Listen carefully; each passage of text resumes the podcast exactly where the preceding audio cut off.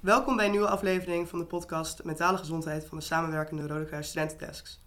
Steeds vaker gaat het in de studentenwereld over de hoge druk waaronder studenten moeten functioneren. Jij merkt het vast ook wel. Er wordt steeds meer van je verwacht. Prestatiedruk is dan ook een serieuze kwestie waar vrijwel elke student mee te maken krijgt in zijn of haar studententijd. Mijn naam is Anna en vandaag ga ik samen met Rosalind Meijer hebben over prestatiedruk.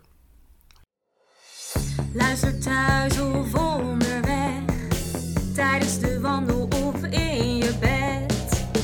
In een podcast op een best. Dit is de Rode Kruis Studentendesk podcast. Rosalind is psycholoog en is afgestudeerd op het gebied van depressie en burn-outs. En heeft daarna een docu gemaakt over burn-outs en prestatiedruk bij studenten.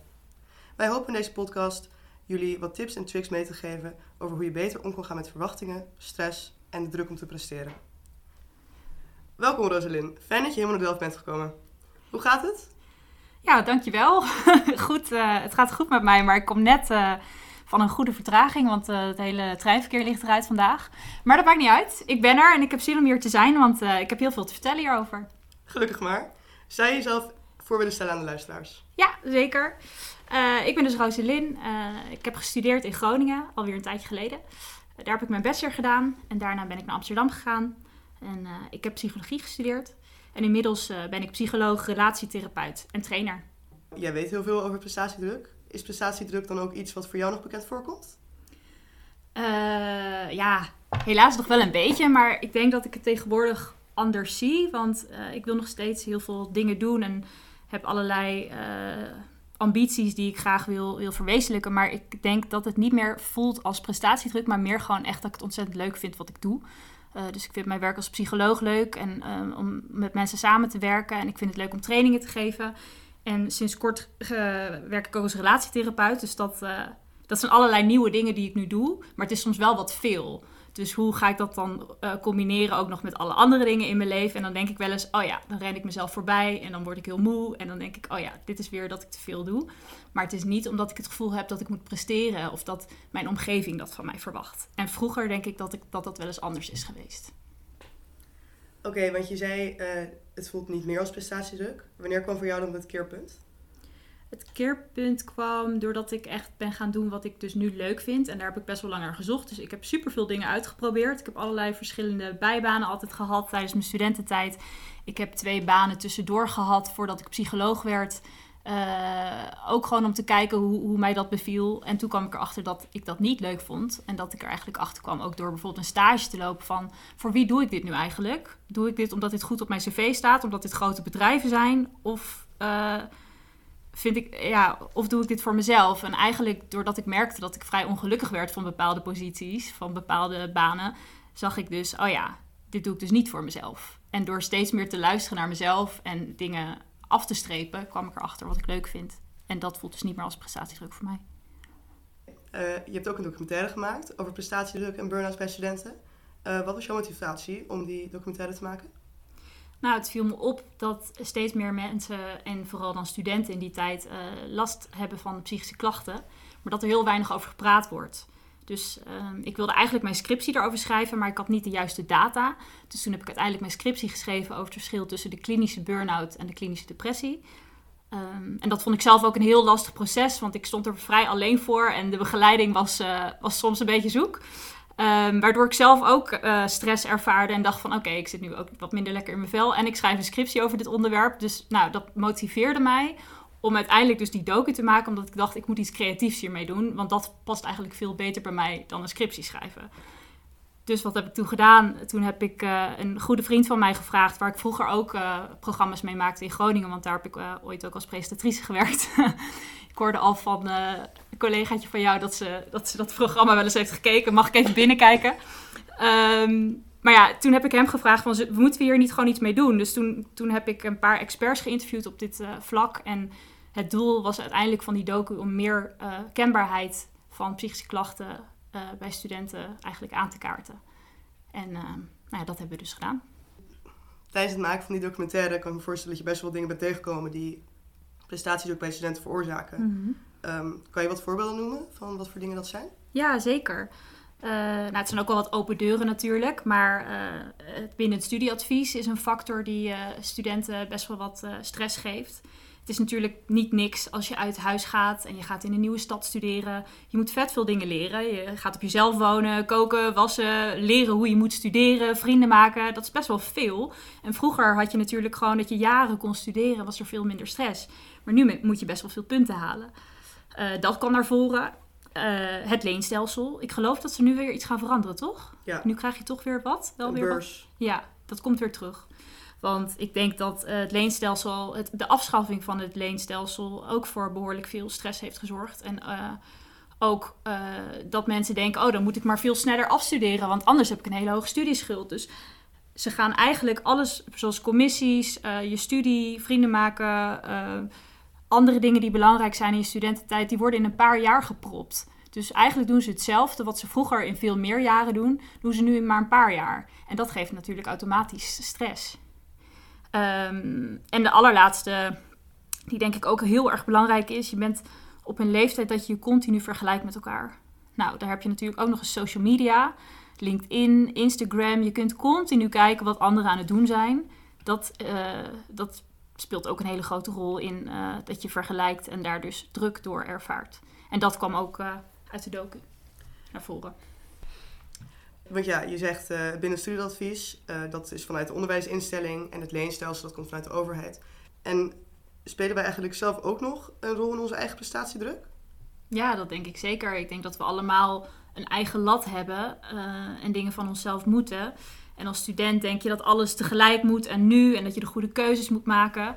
Um, maar dat hoeft natuurlijk helemaal niet. Uiteindelijk is het denk ik de kunst om de tijd te nemen om echt na te denken over wat je echt interessant vindt en wat je drijft en wat je intrinsieke motivatie is. Door uh, heel veel te proberen en wat minder je aan te trekken van wat de rest om je heen doet. Maar dat is natuurlijk best lastig, want jullie zitten allemaal in leuke clubs en uh, verenigingen en commissies. En dan ga je toch elkaar een beetje opjutten. En uh, wil iedereen heel snel naar die eindstreep. Terwijl niet voor iedereen dat misschien de beste weg is om alles heel snel te doen. En om er maar bij te horen bepaalde keuzes te maken. Ja, want denk je dan ook dat sociale media hier een rol in speelt? Want studenten zitten daar natuurlijk ook heel veel op. En kijken op die manier ook naar heel erg veel naar wat andere mensen allemaal aan het doen zijn. Ja, ik denk dat social, social media daar zeker een, een rol in speelt. Want inderdaad, op, uh, op Instagram zie je alleen maar de, de leuke dingen van elkaar. En op zich is het leuk om een vakantiekiekje van elkaar te zien of uh, andere dingen. Maar uh, wat we een beetje vergeten, en dat is het gevaar, is dat we zien maar de helft van, van het leven van mensen. Of misschien niet eens. We zien alleen maar de hoogtepunten eigenlijk van, van elkaar. En uh, je weet natuurlijk wel dat het niet altijd goed gaat met iedereen. Maar je hersenen worden wel misleid doordat je alleen maar positieve informatie krijgt van iemand. Hetzelfde geldt voor LinkedIn. Je ziet op LinkedIn niet dat mensen falen. Ik zie de hele tijd ook berichten nog van studenten van... en ik heb een 8 gehaald en ik uh, ga hier stage lopen en dan uh, superveel likes. En denk ik, jeetje, is dat dan nu waar het om draait? Word je daar dan om beoordeeld? En ik weet ook nog wel in een fase dat ik zelf heel erg zoekende was van... wat wil ik nou? Dat ik ook op LinkedIn ging kijken wat mensen deden en hoe ze daar waren gekomen. En dan dacht ik van, huh, maar dan hadden ze eerst al die baan en dan hadden ze daarna die baan. En dan ging ik iemand vervolgens daarover aanspreken. En dan zeiden ze, ja, maar ik heb eerst vijf jaar dit gedaan. En toen ben ik geswitcht en toen ben ik dat gaan doen. En toen dacht ik, oh, maar dat staat niet op jouw LinkedIn. Dus je krijgt het idee dat mensen meteen de eerste perfecte baan hebben. En dat ze allemaal een leuk leven leiden. Terwijl, ja, zo is het natuurlijk helemaal niet.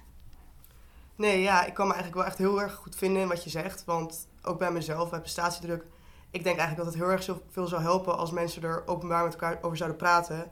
Want het grootste probleem bij mijn prestatiestuk is eigenlijk dat ik het idee heb dat ik de enige ben die het heeft. Mm -hmm. En als ik, het, als ik zou weten eigenlijk dat andere mensen het ook zorg zouden hebben, dan zou het denk ik al heel snel bij mij afnemen. Ja.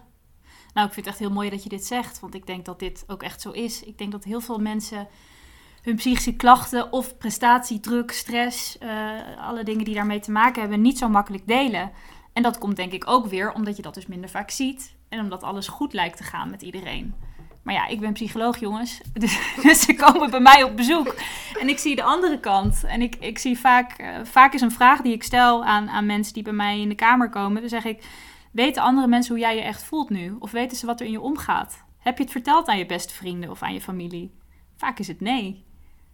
Dus het, er hangt gewoon best wel uh, een taboe ja, voor openheid creëren eh, rondom psychische klachten en stress en prestatiedruk zou ik wel echt een lans willen breken. Want we hebben allemaal last van twijfels. We hebben allemaal wel eens psychische klachten.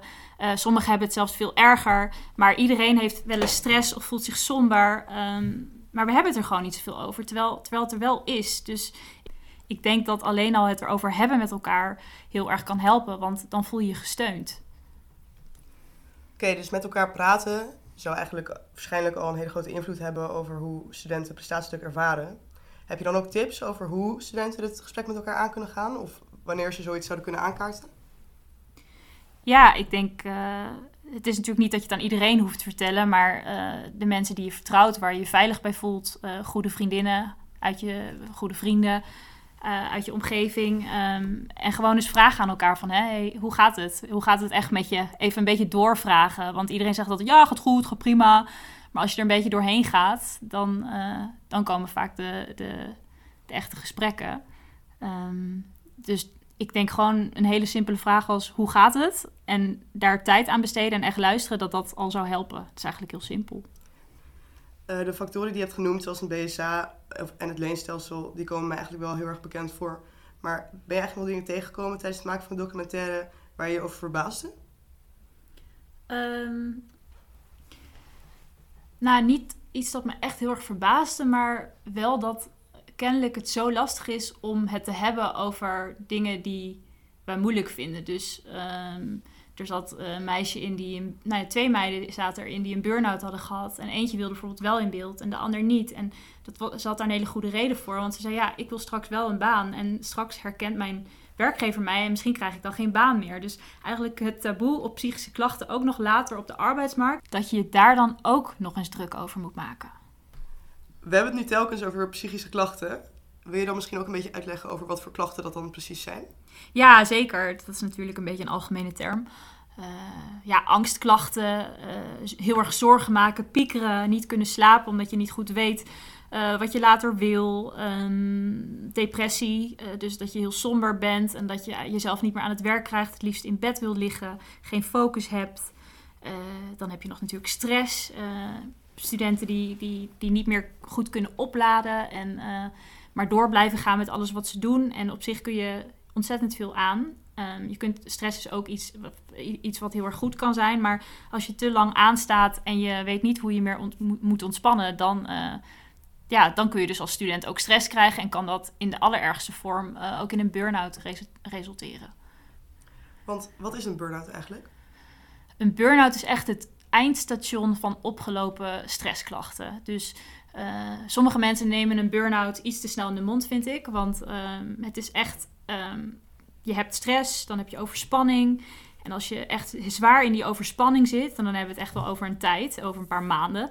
Dan kun je bijvoorbeeld in een burn-out terechtkomen. En mensen die dat hebben, die kunnen er wel een jaar of twee jaar uit liggen. Die zijn echt totaal opgebrand. En dan is het verschil tussen een depressie bijvoorbeeld ook niet zo heel groot. Want dan voel je je somber, je hebt geen energie. Uh, je hebt geen concentratie. Um, je slaapt slecht of je slaapt heel veel. Maar ja, dat zijn dus allerlei voorbeelden van psychische klachten. Is er een mindset die studenten kunnen aannemen om minder te lijden onder prestatiedruk? Ja, zeker. Um, er is een verschil tussen de, de growth mindset en de fixed mindset. Dus uh, je zou je mindset kunnen aanpassen. Want het leuke is, dat kun je veranderen als je een beetje bewust bent van wat er gebeurt. Dus mensen met een growth mindset, die, die durven fouten te maken en die groeien daar juist van en die durven risico's te nemen. Um, en daardoor leren ze heel veel. Uh, maar heel veel mensen zitten ook op een gegeven moment in een fixed mindset. En dat merk je als je uh, niet echt risico's durft te nemen en heel erg alleen maar naar dat einddoel kijkt. Dus veel studenten die kijken naar, oh ik moet uh, dat tentamen halen of ik moet die studie halen, in plaats van dat ze kijken naar alle kleine stapjes tussendoor. En uh, als je een fixed mindset hebt, dan denk je dat dingen aangeboren zijn en onveranderlijk. Dus daardoor ben je ook in een, in een houding dat je ook denkt: oh, ik kan ook niet zoveel veranderen. Terwijl als je leert om meer die growth mindset te hebben van nee, maar ik ga dit avontuur aan en dan faal ik maar. En dan probeer ik toch een andere studie als dit echt niet lukt. Of nou haal ik een keer een tentamen niet, maar dan ga ik goed leren voor de volgende. En, en door fouten te durven maken, sta je open voor groei en daardoor ontwikkel je eigenlijk weer verder. Oké, dus waar het eigenlijk op neerkomt, is dat als studenten minder bang zouden zijn om fouten te maken, of wat de consequenties zouden zijn van hun fouten, dan zou de prestatiedruk uit zichzelf afnemen. Ja, op individueel vlak wel. Want door keuzes te maken en ook verkeerde keuzes, tussen haakjes, eh, blijf je in beweging en kom je juist verder. We hebben het nu de hele tijd gehad over de negatieve invloed van prestatiedruk en stress. Maar is er eigenlijk ook een positieve kant aan dit verhaal? Ja, zeker. Stress is namelijk uh, ook iets heel erg goeds. Ja, we hebben het allemaal nodig. Uh, we hebben stress nodig om eigenlijk onze dag zelfs te beginnen. We beginnen met verhoogde cortisollevels, daardoor worden we wakker, komen we in beweging. Uh, we hebben het nodig als we een tentamen maken. Ik weet niet of je dat herkent, dat als je net voor zo'n tentamen, dat je daarvoor een beetje moe bent, maar als die dan bijna begint, dat je ineens echt die adrenaline voelt. Nou, dat is positieve stress en dat heet eustress. En dat heb je eigenlijk nodig om te kunnen pieken. Topsporters hebben dat ook nodig tijdens hun wedstrijden. Als jij een belangrijke presentatie moet houden, voel je het ook. Dus in die zin is stress ook iets ontzettend goeds. Het keert alleen om als het chronische stress wordt. Dus als je heel lang uh, in een stressstand staat, dus een fight, flight, freeze mode, en dat je niet meer kunt ontspannen. En dan wordt het eigenlijk pas iets gevaarlijks. Is er dan ook een manier waarop we die negatieve stress zouden kunnen omzetten in, in positieve stress? Um, ja, ik denk door, uh, door te weten hoe je moet ontspannen. Dus als jij bijvoorbeeld uh, keihard, loop, keihard hebt lopen knallen voor tentamens, dat je weet ook hoe je daarna weer kunt ontspannen. Je kunt zo ook wel de vergelijking maken met bijvoorbeeld een topsporter. Die kan alleen maar pieken doordat hij ook uh, juist dagen inplant om weer te rusten. En zo zou je ook je studie of je werk moeten zien. Alleen is dat een beetje het lastige van deze tijd. De stressoren die ons bedreigen tegenwoordig, die zijn onzichtbaar. Want wat denk jij dat onze stressoren zijn? Is dat een leeuw die jou gaat opeten? Wat zou het Nee. kunnen zijn? Ja, eh, misschien druk van ouders, druk van, Ja, druk van je omgeving. Zeker. Ja, social media, je telefoon, eh, notificaties van je laptop. Eigenlijk allerlei van dat soort dingen zijn dingen die ons nu stress geven. Ehm, en daar moeten we voor waken. Hè? Van hoe, hoe zorgen we ervoor dat, dat we niet worden geleefd door al dit soort externe invloeden? Of bijvoorbeeld de gedachten in ons hoofd die ons een bepaalde druk opleggen. Hoe bewaar je dan eigenlijk je eigen grenzen? Als je kijkt naar je telefoon, eh, kun je natuurlijk zorgen dat je minder schermtijd hebt. Dus je hebt wel die instellingen in je telefoon dat je ziet dat je een waarschuwing krijgt. Oh, je mag nog vijf minuten op deze app. Dus dat soort dingen kun je instellen. Je kunt je notificaties uitzetten. Je kunt communiceren naar je studiegenoten of naar je vrienden in de UB van tussen zo laat en zo laat wil ik geen koffie drinken. Dan moet ik echt even in die focus komen. Ehm, je kunt eh, met je huisgenoten communiceren dat je tussen zo laat en zo laat niet beschikbaar wilt zijn. Dat heb je natuurlijk zelf in de hand. Wat ik zelf doe ook, is dat ik gewoon mijn telefoon om half tien s'avonds wegleg. Ik heb hem nooit meer in mijn slaapkamer. Ik wil gewoon niet wakker worden en in slaap vallen met dat ding naast me. Dus zo kun je eh, dat soort dingen eh, doen om je grenzen te bewaken. Wat ook een goede is, doordat je steeds wordt afgeleid door je telefoon of je omgeving, is om echt focusblokken in te plannen. Dus ehm 50 minuten studeren, 10 minuten even pauze houden. 50 minuten studeren, 10 minuten pauze houden. Dan een lange pauze met, met bijvoorbeeld vrienden. Ehm, zo heb je veel meer structuur in je dag en laat je je niet afleiden door alle dingen die anders de hele tijd op je pad komen. En wat ook een gevaar is, is dat we denken steeds van oké, we gaan nu pauze houden. Oh, dan ga ik nu even op mijn telefoon. Maar jouw hersenen maken geen onderscheid tussen wat is leuk en wat is studeren. Dus eigenlijk ben je de hele tijd die hersenen maar aan aan het laten en ben je best wel moe aan het einde van de dag. En wat vaak ook gebeurt, is dat je denkt, nou, wat heb ik nou eigenlijk gedaan op een dag? Herken je dat? Dat je aan het studeren bent en dat je denkt, heb ik eigenlijk überhaupt iets opgenomen? Ja, absoluut. Ja, Maar wat is dan wel een, effect- een effectieve manier om in die pauzes rust te pakken? nou, dat is een hele goede vraag. ik geef trainingen op het gebied van focus management en daar leer je heel erg hoe je hersenen moet opladen.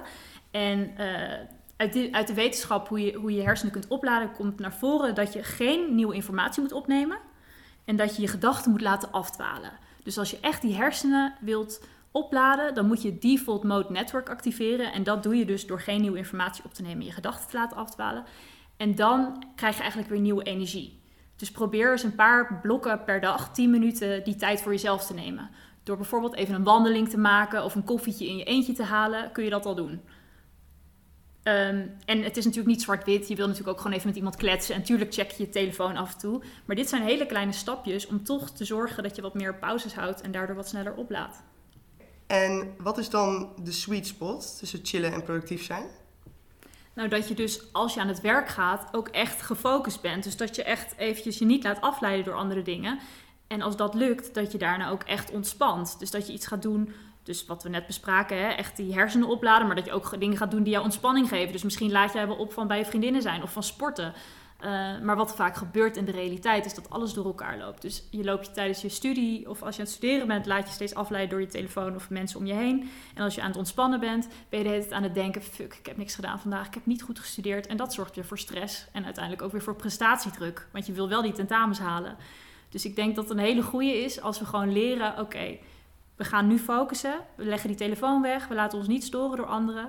We weten het kost tijd om in een taak te komen. Dus het kost, uh, net zoals met een vliegtuig, het kost ongeveer 40% om in die focusstand te komen van, van je energie. Maar voordat je daarin komt, word je dus vaak al afgeleid. Dus bij deze weet je, ik moet zorgen dat ik in die focus kom door niet afgeleid te raken. Dan ga ik goed werken, dan ga ik goede pauzes tussendoor houden en daarna ga ik ontspannen en echt leuke dingen doen en niet zorgen maken over alles. Dit is dan eigenlijk ook wel een uitleg voor, of nou wat ik dan bij mezelf nu herken hieraan, is dat je uh, een planning maakt of een schema waarin je in drie uur denkt drie colleges te gaan kijken. Maar als jij het nu hebt over, ja, je hebt 40% van je energie nodig om erin te komen, dat heb ik denk ik nog nooit meegerekend in het, in het maken van mijn planning. Ja, nou ja, dat weet je dan bij deze nu wel. Ja, en, en dat was voor mij ook een eye-opener, want ik raak vaak afgeleid in dat begin. Ik ga uh, eventjes mijn WhatsApp checken en daarna zit ik op NOS. En voordat je het weet ben je alweer 20 minuten verder. En het kost ook weer een aantal minuten om weer in die taak te komen.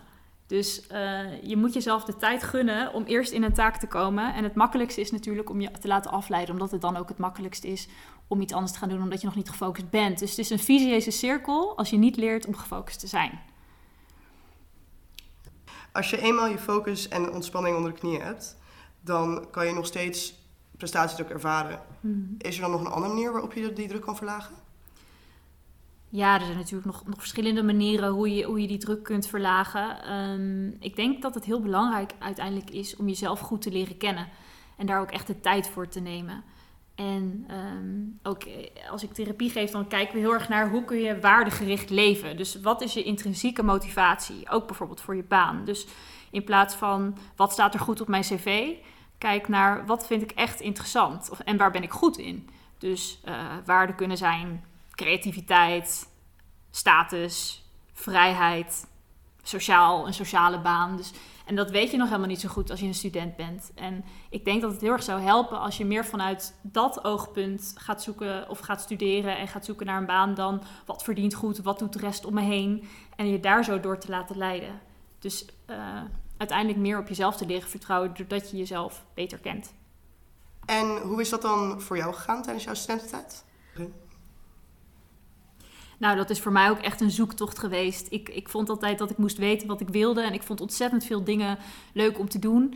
En daardoor heb ik toen ook die druk zo gevoeld dat ik eh, de juiste keuze moest maken. Maar later kwam ik erachter dat het eigenlijk helemaal niet erg is om, om dingen te doen en dan dat niet leuk te vinden en dan een andere kant op te gaan. Dus ook door daar acceptatie in te vinden is het allemaal makkelijker geworden.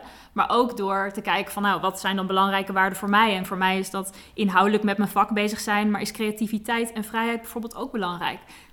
En toen ben ik daar veel gesprekken over gaan voeren. En ben ik veel meer in de growth mindset eigenlijk gaan, gaan leven. In van je kunt ook en en. Het is niet altijd of of. Je kunt een vak beoefenen en dat op een andere manier soms uiten. Door bijvoorbeeld uh, een podcast te maken zoals jullie nu doen. Of uh, een training te geven.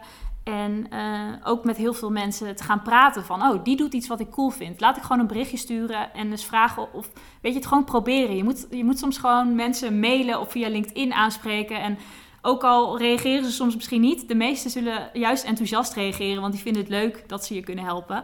En zo kom je ook weer verder. Door juist gewoon een beetje rond te kijken, mensen te vragen wat zij doen, hoe ze dat hebben gedaan. En uh, te kijken naar jezelf, wat dan, wat dan bij jou past. Eigenlijk is het dus heel belangrijk om erachter te komen wat jouw waarden zijn en een growth mindset te hebben.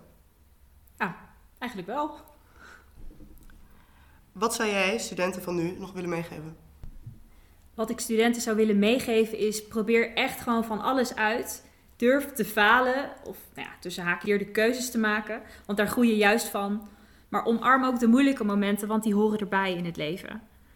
En als allerlaatste, je hebt alle tijd. Dus voel je niet heel erg gestrest. Je kunt er echt gewoon de tijd voor nemen om te ontdekken wie je bent en wat je leuk vindt. Dat lijkt mij een mooie afsluiting. Tot slot wil ik nog aan je vragen of jij nog sprekers kent die zich bezighouden met stress en prestatiedruk en die je aan onze luisteraars zou willen aanraden. Ja, ehm, op het gebied van stress zou ik Thijs Launsbach willen aanraden. En als je beter wil leren om met afleiding om te gaan en meer focus wil, dan zou ik eh, Mark Tichelaar gaan volgen. Ehm, en kunnen we jou nog ergens volgen? Ja, je kunt mij ook zeker volgen. Eh, op www.roselinmeijer.nl kun je bijvoorbeeld ook de docu Druk terugvinden. Ook op YouTube trouwens hoor, als je zoekt. Eh, en de week van de prestatiedruk die ik heb gepresenteerd kun je daarop terugvinden. En bovendien ben ik ook als relatietherapeut en coach aan de gang. En heb ik een Instagram-account Rooster Relatiecoach. Waar ik liefde, seksualiteit, daten en al dit soort leuke dingen, maar ook moeilijke dingen bespreek. Dus eh, daar kun je me vinden. Nou, dan ga ik straks zeker even kijken. Mooi. Ontzettend bedankt voor je tijd, Rosalyn. En voor de luisteraars, we hebben het vandaag gehad over de factoren die meespelen in prestatiedruk, hoe prestatiedruk zich uit en hoe je prestatiedruk kan minderen. Bedankt voor jullie aandacht. Mochten jullie nog vragen hebben of meer informatie willen hebben over dit onderwerp, kijk vooral in de biografie van deze podcastaflevering over prestatiedruk. Tot de volgende keer! Dit is de Rode Kruis Studentendesk podcast.